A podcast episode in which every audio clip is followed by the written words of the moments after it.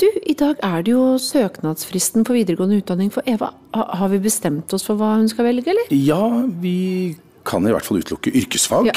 For der er vi begge fulle av fordommer. F.eks. at det passer best for skolelei ungdom som, som liker å snekre fuglekasser. Og, og sånne, sånne brødfjeler. Ja. Ikke sant? Og så stenger det jo alle dører for ambisjoner og, og, og karriere og en eh, ja, oppegående vennegjeng. ikke sant? Ja, Så det blir allmennfag eh, på henne. Med, med skikkelige bøker, ordentlige klasserom, lærer mm. og, og sånne type ting. Åh, så fint å ha bestemt fremtiden til Eva på såpass sviktende grunnlag. Som foreldre påvirker man barna mer enn man tror. Bli oppdatert på alle de spennende studiemulighetene på yrkesfag.no. Du hører Mentalsykehuset fra Svarttrost. Dette er den tredje og siste episoden, og det er Ida Karine Gullvik som forteller. La meg ta deg med til Lier sykehus på slutten av 80-tallet. Det har gått 15 år siden Ingvar Ambjørnsen gikk ut fra 23-salen. 30 år siden Marilene ble lobotomert. De store byggene ser sliten ut. Mange av husene er stengt. Luftegårdene er revet. Malinga på veggene begynner å flasse av. Det er stille. Pasientene har blitt færre, og snart skal de forsvinne helt. Langs stiene i parken går en ung prest. Jeg syns det var en skremmende institusjon da jeg begynte der. Bjørn Eidsvåg jobba som sykehusprest og familieterapeut på Lier store deler av 80-tallet. Og han skal bli vitne til det siste kapitlet i sykehuset sin historie. Fremdeles så var det beltesenger ble brukt. Eh, altså man brukte metoder som, som altså, Det er farlig å si ordet tortur, men, men som på en måte Det er de minnene eller det er de assosiasjonene får da jeg var inne og snakka med noen som lå i belteseng f.eks., så, så er det så har man liksom sånn opplevelse av at nå er jeg en type torturkammer. På tross av det store oppgjøret som var i ferd med å skje med norsk psykiatri, på tross av historien til Ambjørnsen og andre som kritiserer de store institusjonene, så opplevde Eidsvåg at det lå mye av det gamle sykehuset igjen på Lier på 80-tallet. Men alt dette var i ferd med å endre seg. Jeg hadde klart inntrykk av at jeg var med i en periode i psykiatrien hvor eh, ting virkelig skulle forandres. Og det skulle forandre til det bedre. Det var det vi alle håpte på, og alle mente at dette var en helt riktig utvikling.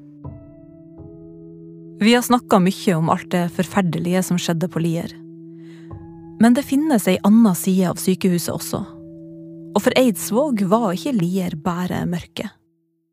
Det som slo meg i bakken mest av alt, var den omsorgen som de som jobba der, og kanskje særlig de som var pleiemedhjelpere og hadde jobba på sykehuset lenge, som hadde da investert i å, å bli glad i pasienter som var, altså som var pasienter som var gjengangere eller som hadde vært der lenge. Og, og som, som viste en, en fantastisk eh, omsorg og, og kjærlighet til, til disse folka. Så, så det, det imponerte meg. Alle vi har snakka med som jobba på Lier, opplevde at sykehuset prega dem. Satte sine spor, enten positivt eller negativt. Og det er også tilfellet med Eidsvåg. Dette er en tid som for meg var veldig avgjørende på hvem jeg er, hvordan jeg snakker, hvordan jeg ser på folk. Jeg er ikke så kjapp til å dømme folk lenger. Mm. Eh, og det, det ble plukka av meg da jeg jobba i psykiatri.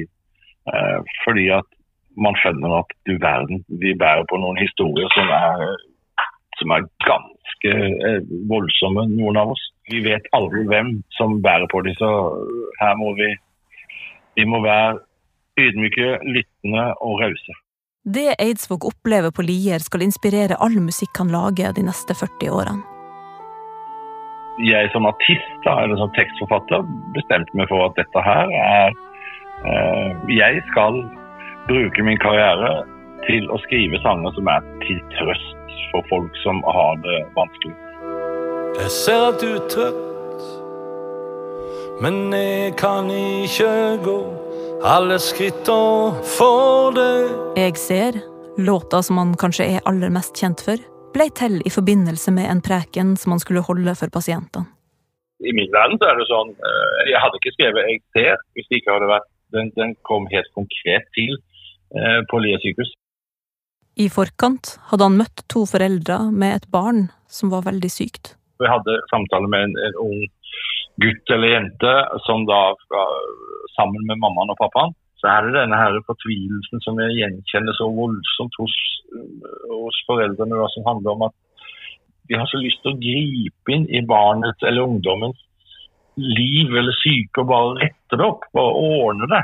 De sitter jo på en måte og ønsker det aller beste for barnet sitt og, og, og sitter med en tanke på hva de kan gjøre for å, å bli bedre. Og Den fortvilelsen kjenner jo jeg igjen, som uh, også har egne barn. at uh, Av og til så har du altså så Du kjenner at du må åh, om, jeg bare kunne ha gjort dette her for deg, altså ordna det sånn at du, du, slipper å være syk lenger. Eh, og så da erkjennelsen av at det, det, kan vi ikke. Vi kan på en måte bare sitte der og være tilskuere eller å heie på eller å bære fram så godt vi kan, eh, mens barnet vårt eh, eller kona, mannen, altså hva er må slite seg gjennom eh, dette mentale marerittet som de nå er i. Møtet hans med sykehuset var skremmende i begynnelsen, men etter hvert ser Eidsvåg at for mange av pasientene så var også Lier et sted der de fikk hjelp. Et hjem. Flere av dem hadde levd hele livet sitt der, men så, på slutten av 80-tallet, så blir det bestemt at pasientene skal forlate Lier. De skal hjem. Tilbake til stedene der de vokste opp. Men det fører ikke til jubel på sykehuset. I stedet så blir mange redd. Da var jo det veldig mange som var skeptiske til det, ikke minst pasienter. fordi at det var, det ganske mange pasienter som anså Lier sykehus som sitt hjem. Altså, som, det, det, var der det var trygt. Det var der de hadde det best. Så det førte til at både vi som jobba der og pasientene sjøl var engstelige for det og skeptiske til det som skulle skje. Det skjer noe med hvordan man tenker psykiatri på denne tida. Og det var dette som var grunnen til at pasientene skulle sendes vekk. De store institusjonene som Lier, de gamle asylene, de har blitt utdatert umoderne, dyr. Pasientene skal ut av sykehusene, tilbake til lokalsamfunnene, til familiene sine, til kommunene. Prinsipielt så innså de fleste av oss uh, at dette er en nødvendig forandring. Og, og, tiden for disse store sykehusene er over. Og ikke minst da få bort alle de der hva skal si, altså skremmebildene av hva psykiatri er for noe, som, som disse sykehusene var med på å, å lage. Samtidig så var de ansatte bekymra for om samfunnet der ute var klar for å ta imot pasientene deres. Er mottakerapparatet på andre sida, er det klart? Mm. Er det opp å stå? Er, er det kompetanse nok der? Og jeg tror nok at i en overgangsfase her, så, så var kanskje det en, en eh, et velbegrunna spørsmål.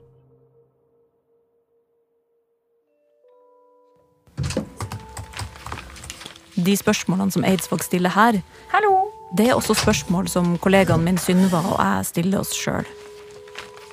For når Lier åpner portene, hva slags konsekvenser får det?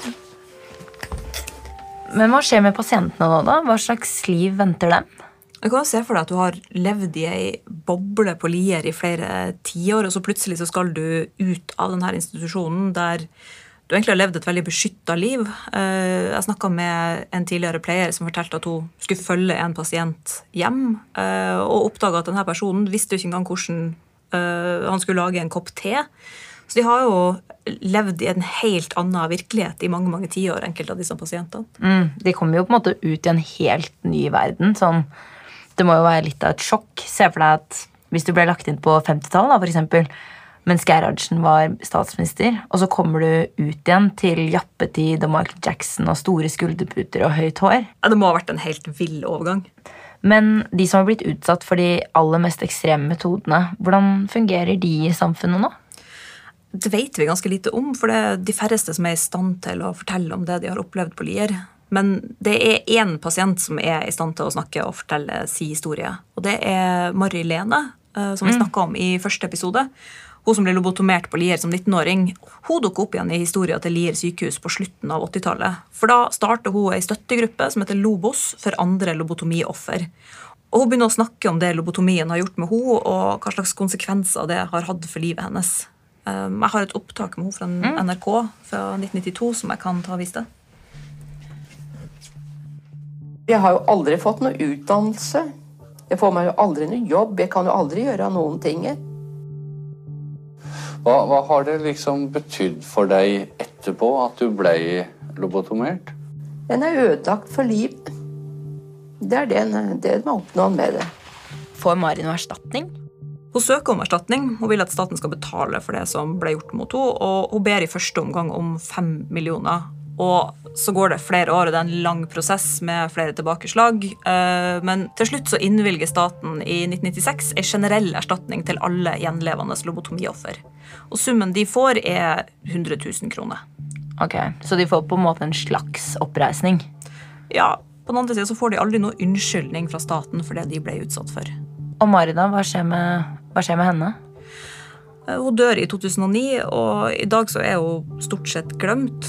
Eh, jeg prøvde å kontakte familien hennes for å få vite litt mer om hvem hun var, og få høre noe annet om henne enn det som står i journalen hennes. Men de vi har snakka med, de vet enten ikke noe om historien hennes, eller så ønsker de ikke å bli intervjua av oss. Mm.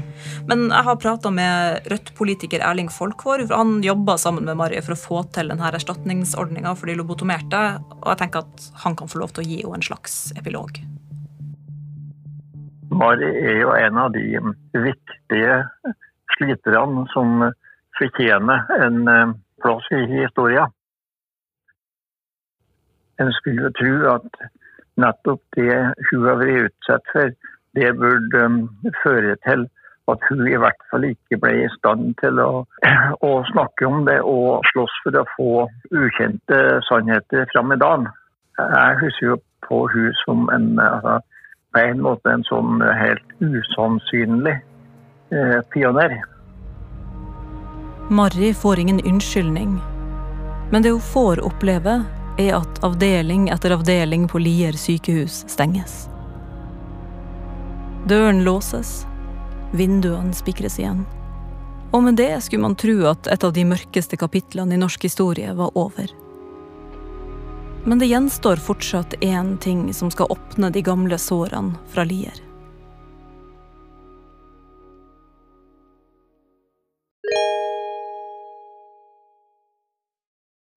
Agnete, her er ei gåte. Hva kan du kutte uten å bruke en skarp gjenstand?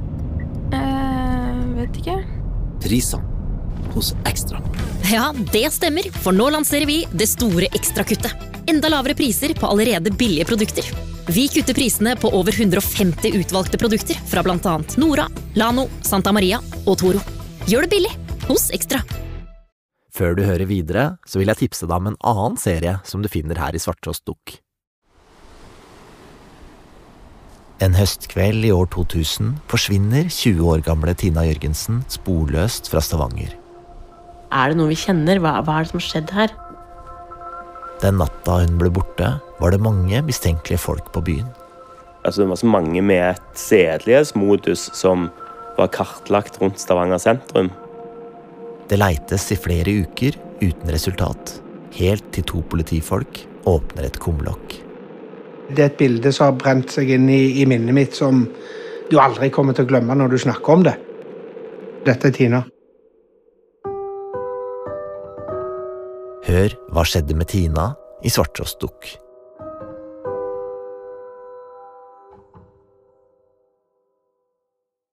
Nå tilbake til episoden. I juni 2023 drar jeg til Lier til tomta der det gamle asylet sto. tenkte jeg skulle vise deg, fordi På en kafé ved det som før var porten til sykehuset, møtte jeg Bjørn Harald. Det ser jo ut som et herskapshus, det her. Det gjør det. Det har blitt utrolig flott. Bjørn Harald har vokst opp på Lier. I familien hans er det flere som har jobba på sykehuset. Mutter'n fortalte hun var jo med på, på elektrosjokk eh, den gangen. Og farmor var med på lobotomering. Seriøst? Ja, seriøst, ja. Men det er ikke derfor jeg vil snakke med han. Jeg vil snakke med Bjørn Harald fordi han gjorde noen helt spesielle oppdagelser inne på sykehuset på starten av 2000-tallet. På denne tida gikk Bjørn på ungdomsskolen, og i storfri pleide de å snike seg opp til sykehuset for å gå på oppdagelsesferd. Mange av byggene hadde vært stengt i flere tiår, men de hadde ikke blitt tømt. Det virka som om noen bare hadde låst døren og så glemt hele bygget. Eh, Vi fant mye utstyr. Alt fra legeutstyr til gynekologstoler til senger. De finner legefrakker, stetoskoper. Hele sykehuset har blitt en tidskapsel. Man kunne drømme seg litt bort i hva, hva var dette da, når det var i drift. Og hvordan var det å være pasient her, hvordan var det å jobbe her. Eh, og det å komme seg opp i etasjene, se alle soverommene, se hvor stort det har vært og hvor mange mennesker som en gang har tilhørt det. Og hvor forfallent det er. Men i tillegg til alt utstyret så finner Bjørn og kompisene også noe annet. Så var det også i trappeoppganger så lå det eh, bunker med permer og papirer. Så eh, jeg antar at det ikke er der det må ligge i utgangspunktet, men at det er flere enn oss som har vært og rota der opp igjennom. Eh, og vært nysgjerrige. Noen av dokumentene er ifølge Bjørn Harald full av personlige opplysninger.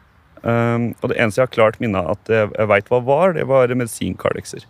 Uh, navn, etternavn, hvilken medisin, hvilken dose til hvilket tidspunkt. Bjørn Harald og kompisene er ikke de eneste som sniker seg inn på sykehuset. Andre som har vært der inne, forteller om papirer med navn og fødselsdato på pasienter. Om prøvesvar og rapporter som ligger og slenger de avstengte sykehusbyggene. Flere forsyner seg med dokumenter og tar dem med som suvenirer. Det er en veldig stor privatsak hva du spiser av medisiner. Uh, jeg har ikke rett til å vite hva du spiser, og du har ikke rett til hva jeg spiser. Det, det er et innsyn i, uh, ja, i privatlivet ditt og, og, hvilken lidelse du har eller ikke har.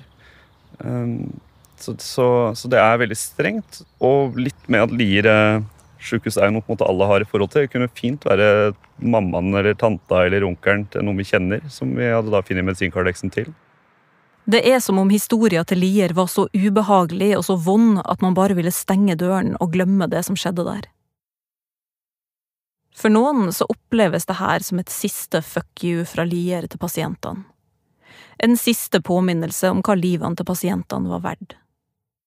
Forfatter Ingvar Ambjørnsen, som jobba på Lier på 70-tallet, gir et rimelig klart svar da han blir intervjua om hva han syns om det som har foregått i de forlatte avdelingene rester av rapporter og journaler som ligger slengt utover gulvene der.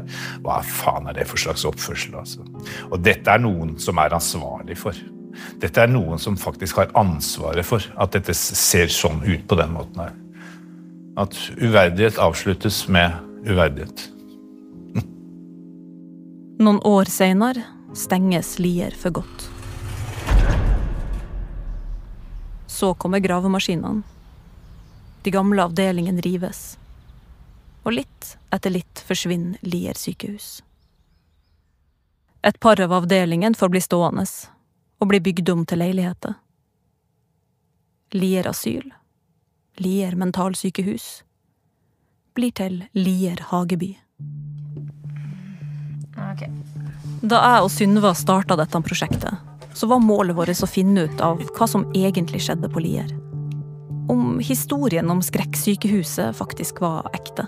Etter å ha prata med mange folk, så syns jeg egentlig ikke at det her skrekkeksempelet som Lier har fått, er helt ufortjent. Jeg. er ikke helt enig i det.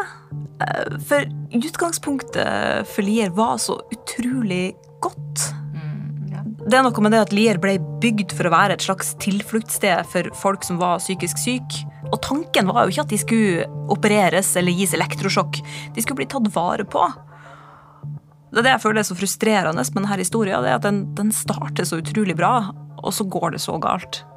Lier fungerer på en måte i teorien, men veldig dårlig i praksis? Ja, på en måte. Og det som er paradoksalt her, det er jo at nesten alle vi snakker med, De sier at vi mista noe, noe viktig da vi mista Lier. At vi nå står oppe i ei psykiatrikrise. At vi trenger et sted som Lier i dag. Så jeg er jo klar over at det er mye som foregikk på Lier som ikke er noe å rope hurra for. Randi Rosenquist er rettspsykiater og har jobba med de tyngste tilfellene innen norsk psykiatri i ca. 45 år. Og hun har sett hvordan psykiatrien har krympa fra år til år. I 1960 hadde vi 18 000 sykehussenger. Nå har vi litt over 3000, og vi har vel 50 flere innbyggere. Og, bare de siste 30 årene så er altså, er altså sykehusdekningen redusert til en tredjedel. Langtidsbehandling, av den typen som Lier ble bygd for å gi, det er vanskelig å få i dag. Med mindre man dømmes til tvungent psykisk helsevern.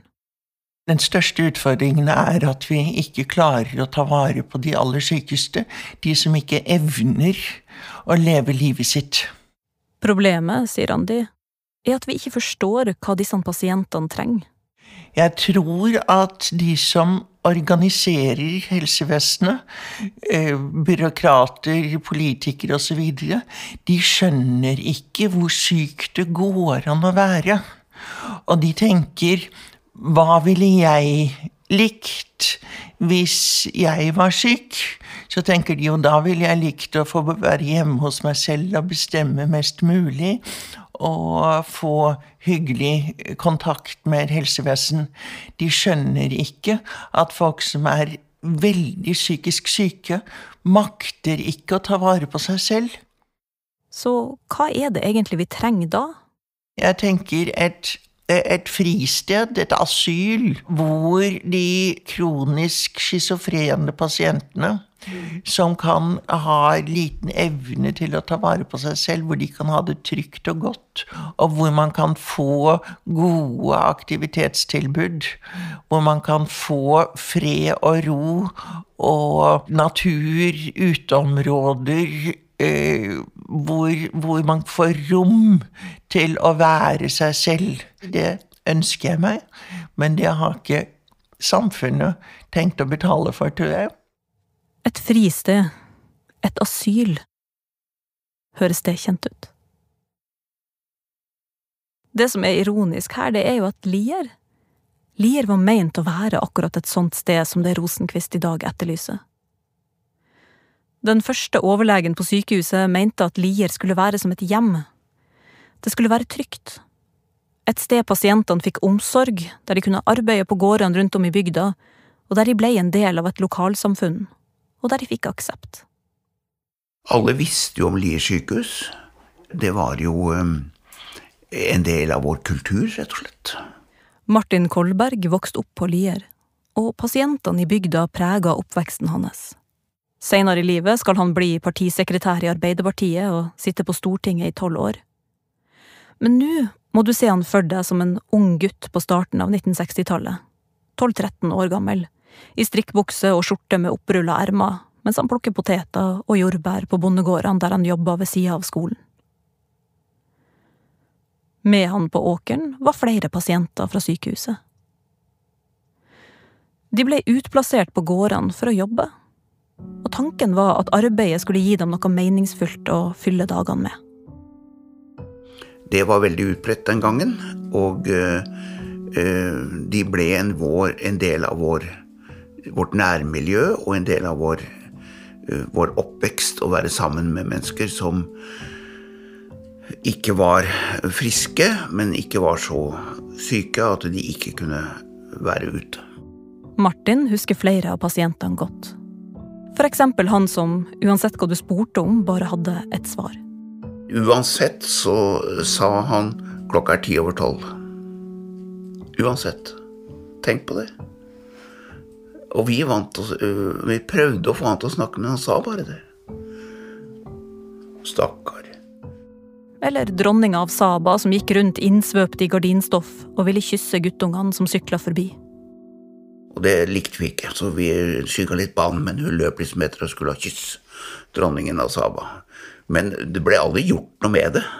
Det var ikke noe å gjøre noe med heller, det var en del av hverdagen, og eh, vi levde egentlig ganske bra med det. Noen ganger måtte Martin og kompisene ut og lete etter en av pasientene. For eksempel hvis han de kalte skipperen fikk tak i øl og forliste i ei grøft. Da måtte vi sykle, da. Langs veikantene og bort på egget og se etter skipperen. Vi visste stort sett hvor han var. Og så var det å sykle, det var ikke noen telefoner. Selvfølgelig. Så var det å sykle opp til gården og si ja, han er der og der. Og så måtte vi hjelpe bonden å få han opp på hengeren, og så kjørte han hjem igjen. Og dette var med jevne mellomrom.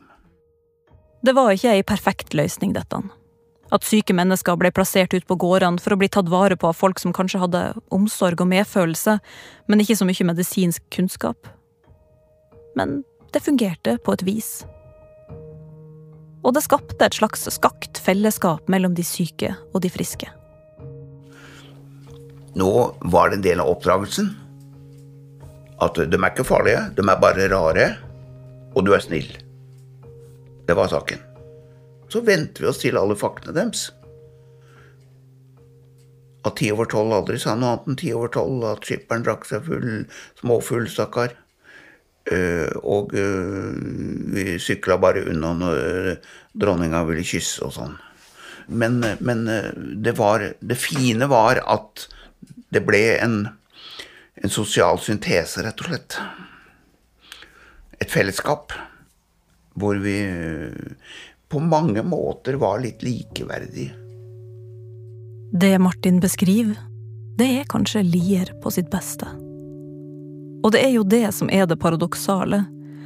At på tross av alt som Lier var, så er det mange som mener at vi fortsatt trenger det Lier skulle være. Hvis det gir mening.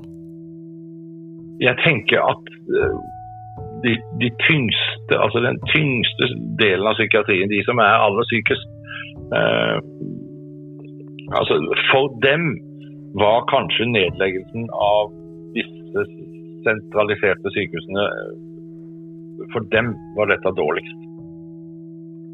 Jeg har tenkt mye på Bjørn Eidsvåg og det han skrev om i Jeg ser.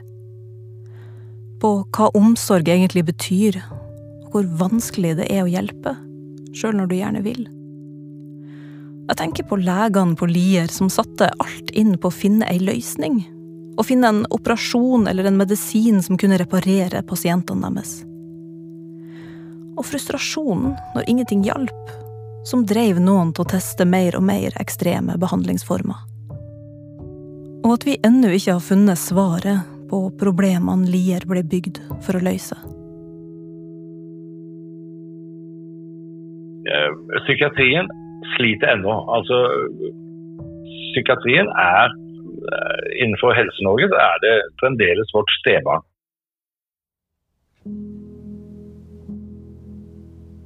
Dette var tredje og siste del av Mentalsykehuset, laga av Ida Karine Gullvik og Synva Hjørnevik for Svarttrost. Musikk, lyddesign og sluttmiks av Nils Jakob Langvik. Konsulent og redaktør var Kari Hesthamar. Lydklipp var henta fra NRK og Teknisk museum. Vestre Viken helseforetak, som hadde ansvaret for Lier sykehus før byggene ble revet, har blitt forelagt informasjonen som kommer fram i denne episoden. De sier at de brukte millioner av kroner på å sikre de stengte byggene på sykehusområdet, men tiltakene deres ble ikke respektert. De kjenner heller ikke til at dokumenter med opplysninger om pasienters diagnoser eller behandling har kommet på avveie. I 2011 uttalte de at de likevel så svært alvorlig på saken. Tusen takk til alle som har delt av sin tid og kunnskap i forbindelse med arbeidet med denne serien. En særlig takk til Jorunn Gunvorsdottir Gare, Tone Tviberg, Rolf Sunde, Guri Helene Haugsvær og Erling Folkvår. Produksjonsledelse var ved Stine Therese Strand. Coverdesign ved Malin Instanes. Serien har fått støtte fra Fritt Ord og ble laga i 2023.